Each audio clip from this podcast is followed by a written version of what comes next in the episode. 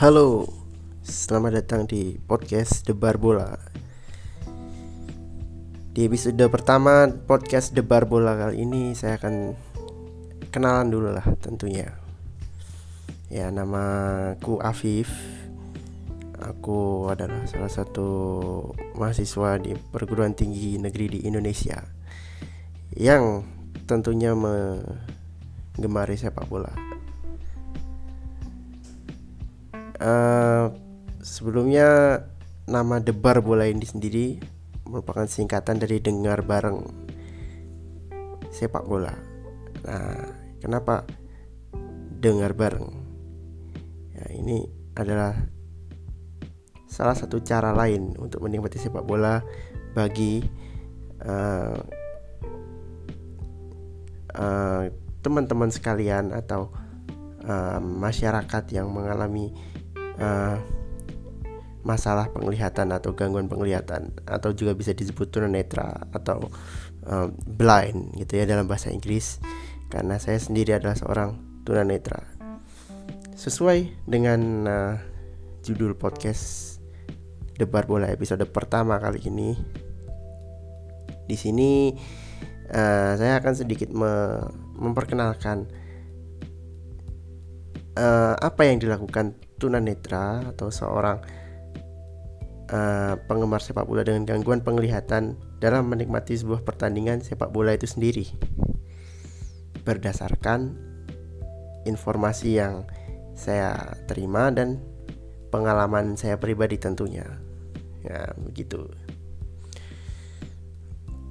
Dan di segmen kedua nanti saya akan sedikit membahas tentang yang rame-rame sekarang.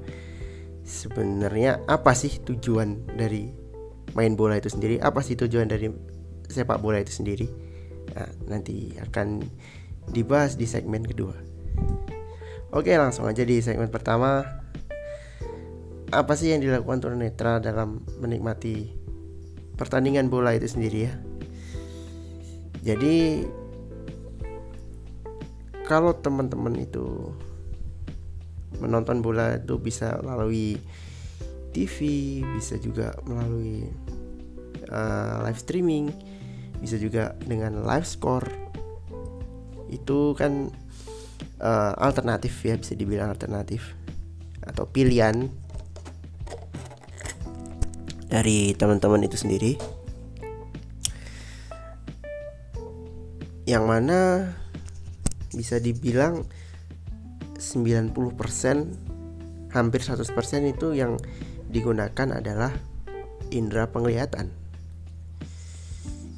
Akan tetapi dalam dunia industri saat ini ternyata peran audio juga sangat mendukung dalam industri siaran, terutama siaran televisi. Sebagai data atau faktanya yaitu Premier League Liga Inggris menempati uh, peringkat pertama dalam uh, kualitas produksi siaran itu sendiri. Karena salah satu aspeknya adalah dia atau mereka mampu menyuguhkan audio visual. Jadi bukan cuma visualnya akan tapi audio yang bahkan atmosfernya itu kurang lebih sama atau bahkan melebihi di studio maksud saya di stadion ya. Dengan catatan menggunakan televisi yang mumpuni ya. Kalian nontonnya. Dengan televisi yang udah HD gitu. Dengan speaker yang udah bagus juga. Jadi suara itu akan terdengar stereo gitu. Di uh, speaker. Bila di setel dengan volume yang pas akan kurang lebih sama dengan stadion. Nah itu yang mendukung Premier League menjadi uh, liga yang paling top lah karena produksi siarannya juga menggunakan audio juga dengan kualitas yang tinggi. Nah, sekarang kembali ke topik yang sudah uh, saya utarakan tadi di depan bahwa ya, gimana sih tunanetra itu menikmati sepak bola itu sendiri ini ada beberapa uh, cara yang mereka lakukan. Ya, di dunia ternyata banyak fans atau supporter dengan uh, disability atau uh, mereka uh, mengalami sedikit ke apa ya istilahnya yang mengalami uh, ke ke ya keterbatasan lah. Keterbatasan dalam macam-macam. Itu kalau di luar negeri di stadion itu ada tribunnya sendiri yang buat orang dengan keterbatasan uh, khusus atau disability lah sebutannya. Di Inggris juga ada di mayoritas di Eropa udah ada. Ya, itu macam-macam. Ada yang uh, motorik ya ada yang uh, dengan uh, keterbatasan gerak ya sama aja yang motorik. Dan yang tunanetra juga ada tentunya atau blind. Nah yang menjadi pertanyaan gimana sih caranya uh, sepak bola yang mostly uh, peran mata sangat sangat dominan dalam menikmati pertandingan itu sendiri sedangkan teman-teman dengan keterbatasan uh, penglihatan atau tunanetra tidak mungkin menggunakan matanya. Gimana caranya? Dan apa yang mereka lakukan atau apa yang mereka perlukan? Nah, sebenarnya di uh, Premier League kembali uh, mereka juga menggandeng uh, radio sebagai uh, salah satu uh, broadcast partnership buat menyiarkan Premier League dan radio itu uh, secara free for free bisa diakses uh, pendengarnya di seluruh dunia di situs talksport.com itu adalah radio uh, official broadcast resmi dari Premier League buat menyiarkan semua pertandingannya for free ya. Itu juga mereka uh, menyasar atau me, istilahnya me guide fans dengan keterbatasan penglihatan atau blind atau tunanetra ya dalam untuk uh, menikmati pertandingan itu sendiri. Begitu. Lantas, apakah informasi atau apakah dengan cuma audio teman-teman tunanetra akan mendapatkan gambaran yang seutuhnya atau dia akan bisa merekam situasi yang sebenarnya di lapangan sama dengan teman-teman yang melihat. Nah, itu kan biasanya pertanyaan kalau saya, menurut saya itu 100% tergantung pada um, house yang berperan dalam play play by play atau komentatornya ya. Jadi teman-teman tunanetra sangat sangat mengandalkan host dan komentator yang bisa tidak hanya mengomentari atau menganalisis uh, pertandingan itu secara live dan juga membahasnya. Sama ya menganalisis membahas. Akan tapi juga membawakan pertandingan itu secara uh, secara bisa dibilang secara komprehensif gitulah jadi komprehensif itu bukan melulu setiap pergerakan itu di di komentarkan atau dibawakan tapi dengan pas nah gitu. Itu biasanya akan membantu teman-teman tunanetra untuk memahami pertandingan itu sendiri nah sekarang masalahnya uh, apakah itu cukup? Apakah itu cukup dalam teman-teman tunanetra itu untuk menerima dan memberi mungkin apa ya membayangkan atau me, ya setidaknya me, mengetahui kekurangan dan kelebihan? Nah itu juga tergantung yang pertama komentator itu sendiri atau hostnya yang kedua juga tergantung imajinasi teman-teman itu sendiri. Jadi yang yang bermain di sini bukan hanya indera pendengaran, imajinasi juga sangat berperan dalam mengejawantahkan lah istilahnya uh, suasana pertandingan itu sendiri. Kemudian kira-kira sudahkah semua liga-liga uh, itu memfasilitasi seperti itu? Nah, menurut data dan fakta atau informasi yang saya terima, uh, yang berbahasa Inggris atau yang ya let's say uh, bahasa internasional itu baru sementara ini tiga ada MLS Liga Amerika uh, Premier League dan UEFA Champions League yang bisa diakses for free around the world atau seluruh dunia bisa mengakses for free dan ada beberapa klub juga yang menyediakan audio live commentary yang saya pernah uh, ikuti itu ada Liverpool, ada Barcelona, dan ada juga uh, Leicester. Jadi mereka menyediakan radio lah seperti itu. Untuk gimana kalau sepak bola Indonesia? Nah, sepak bola Indonesia sebenarnya secara uh, dulu uh, PSSI juga pernah bekerjasama dengan RRI. Tapi musim lalu sepertinya udah nggak dilanjutin lagi ya, nggak tahu di musim depan. Dan untuk musim ini, uh, maksud saya untuk Liga Indonesia itu sendiri bisa juga disaksikan di televisi. Itu kalau menurut saya sih sudah lumayan ya sudah uh, komprehensif lah untuk dipahami. Nah, jadi itulah cara uh, kurang lebihnya. Jadi tunanetra untuk menikmati sepak bola itu uh, mostly atau mungkin 99% bergantung kepada komentator yang membawakan. Nah, sekarang apa aja yang mendukung tunanetra itu dalam menonton bola? Nah, di era kemajuan teknologi seperti ini, tunanetra sudah sangat banyak terbantu dengan internet tentunya.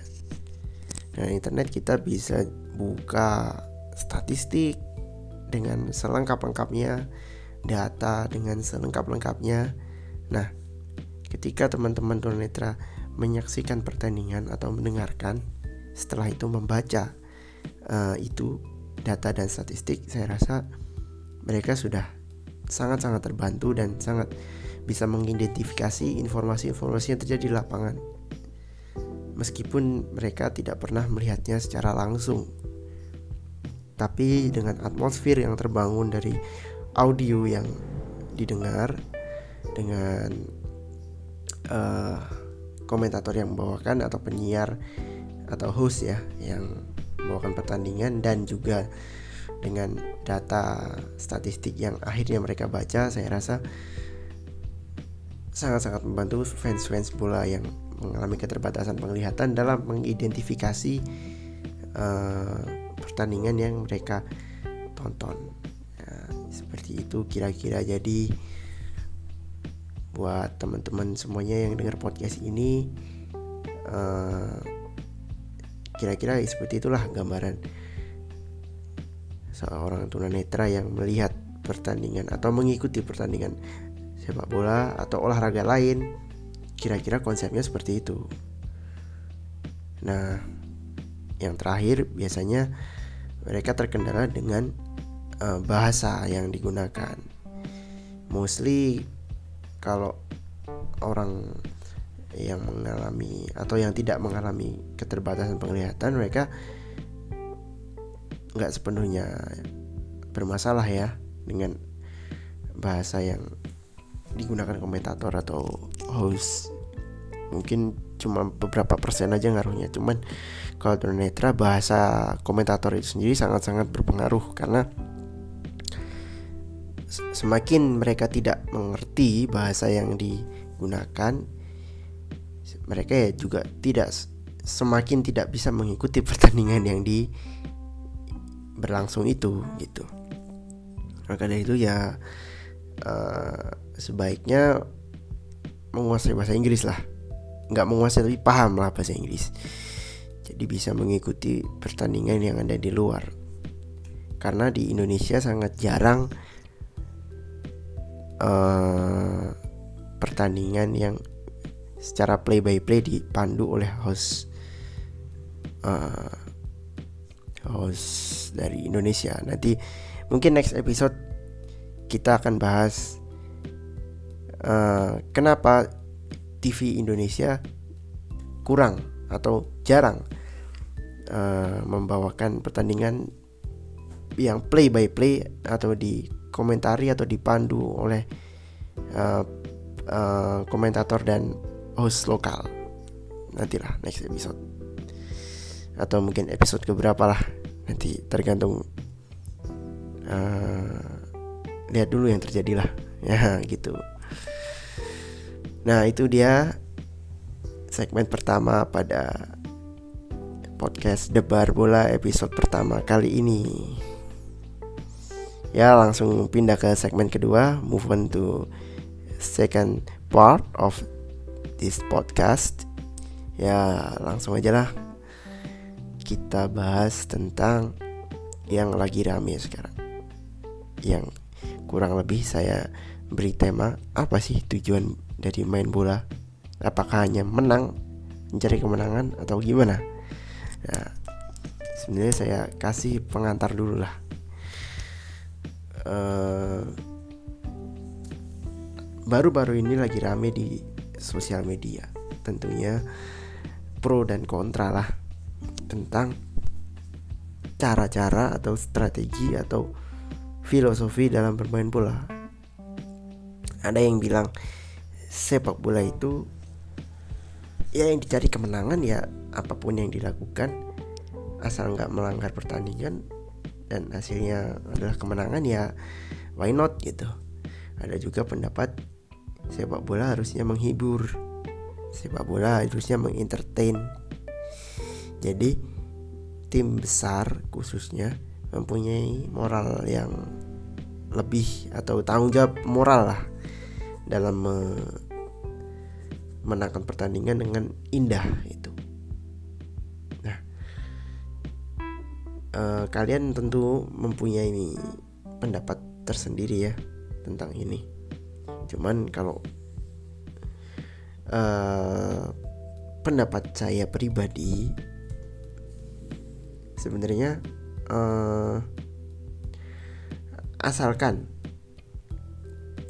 uh, strategi atau filosofi yang dipakai itu uh, tidak selalu seperti itu jadi lebih ke adaptif lah dalam pertandingan itu uh, situasinya sedang seperti apa ya gitu itu akan lebih lebih bermanfaat untuk timnya. Sebagai contoh gini lah.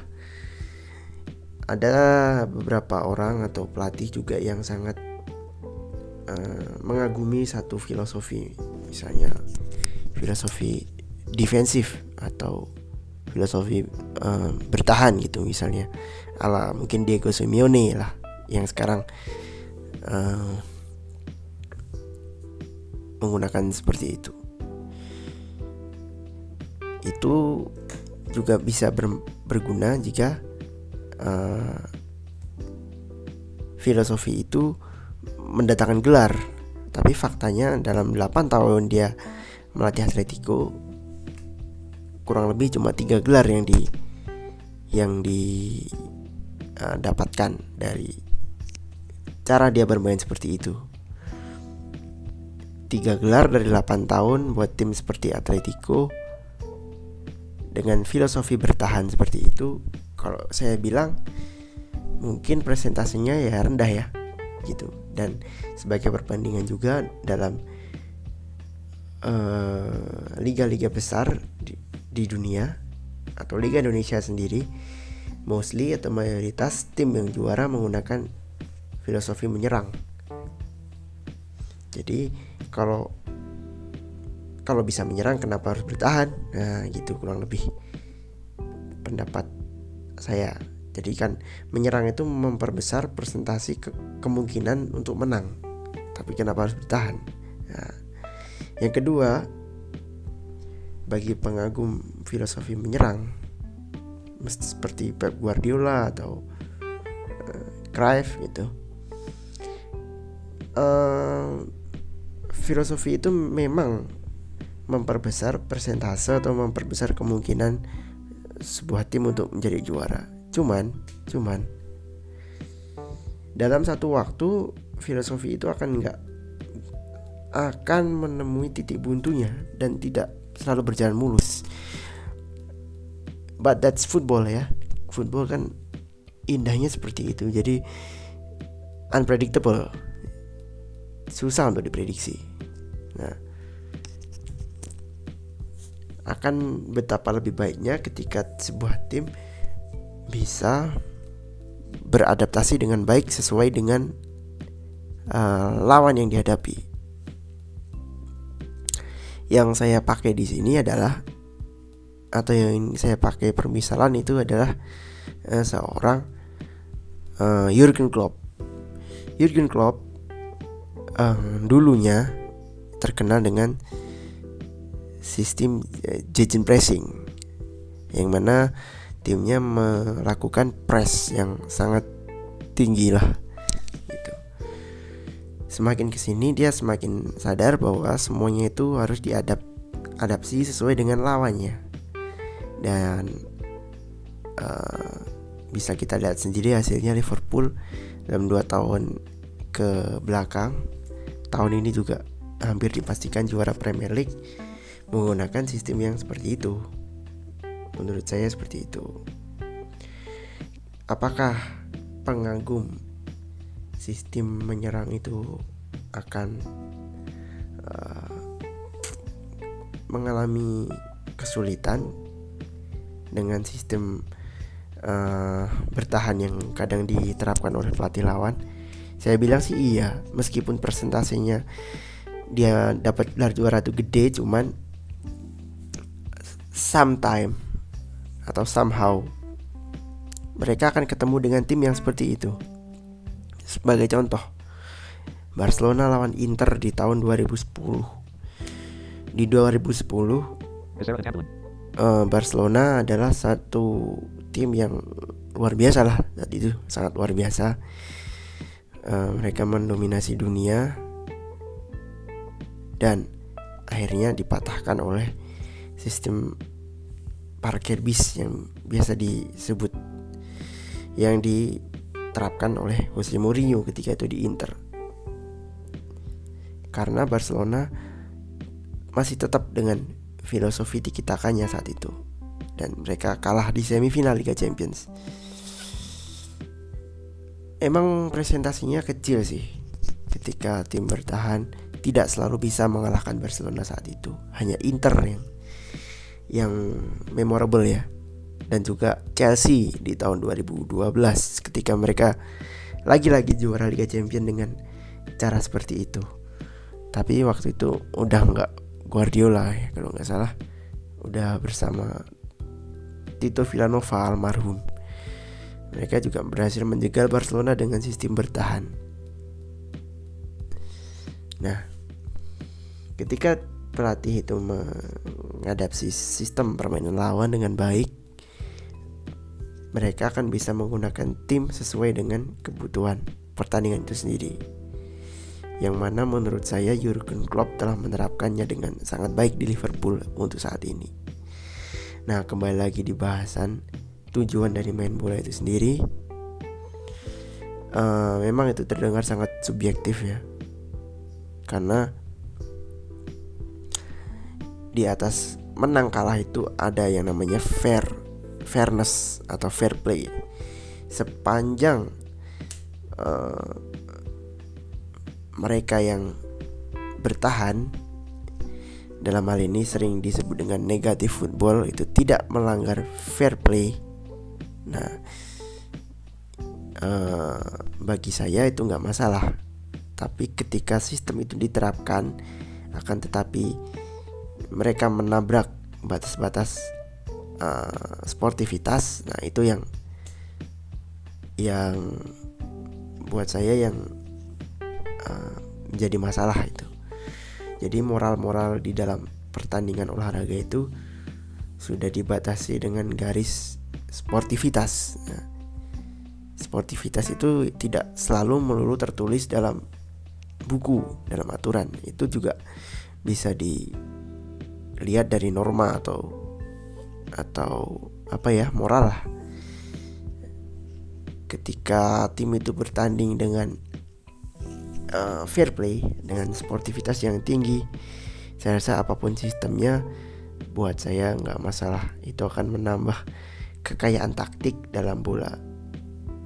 Nah dalam sepak bola itu sendiri kan taktik itu uh, saling mengalahkan lah.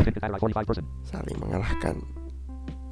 Jadi seperti itu untuk uh, bahasan podcast debar episode pertama kali ini.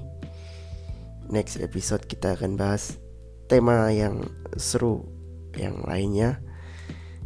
Jadi nantikan terus uh, podcast debar dengar bareng uh, sepak bola debar bola bersama Afif Lutfi di sini.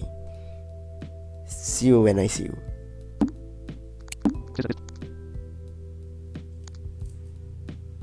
Stop, double, top, top, top, top,